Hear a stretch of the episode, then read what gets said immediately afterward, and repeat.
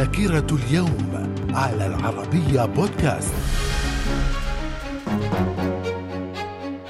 أهلا بكم وفي ذاكرة اليوم السابع من أغسطس من العام 1415 إحراق المصلح الديني التشيكي يان هوس الذي انتقد فساد الكنيسة فاتهم بالهرطقة وقد أحرق رجال الدين كتبه ومخطوطاته قبل إحراقه في ذكرى ميلاده الثانية والأربعين.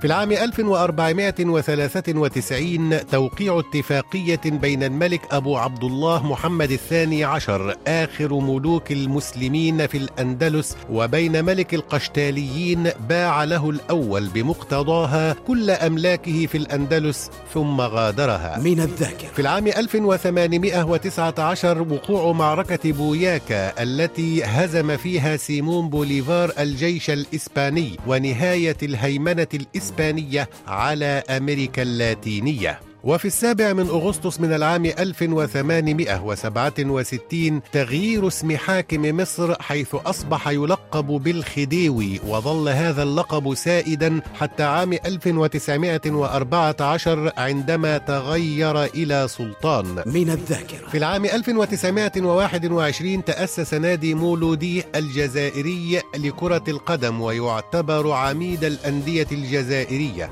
في العام 1926 إسبانيا وإيطاليا تعقدان معاهدة تخص ميناء طنجة المغربي المتنازع عليه لأهمية وقوعه على مدخل مضيق جبل طارق. وفي السابع من أغسطس من العام 1941 الزعيم السوفيتي جوزيف ستالين يتولى القيادة العليا لكل الجيوش السوفيتية في الحرب العالمية الثانية. من الذاكرة. وفي العام 1954 الإعلان عن تأسيس منظمة المؤتمر الإسلامي. وفي العام 1998 تفجير سفارات الولايات المتحدة في دار السلام ونيروبي وحصدت التفجيرات 224 قتيلا و4500 جريح من الذاكرة. من مواليد السابع من أغسطس الإمبراطور قسطنطيوس الثاني إمبراطور الإمبراطورية الرومانية الذي ولد في عام 317 وفي العام 1938 ولدت الممثلة المصرية نبيلة السيد. وفي العام 1943 ولد محمد بديع مرشد عام جماعة الإخوان المسلمين.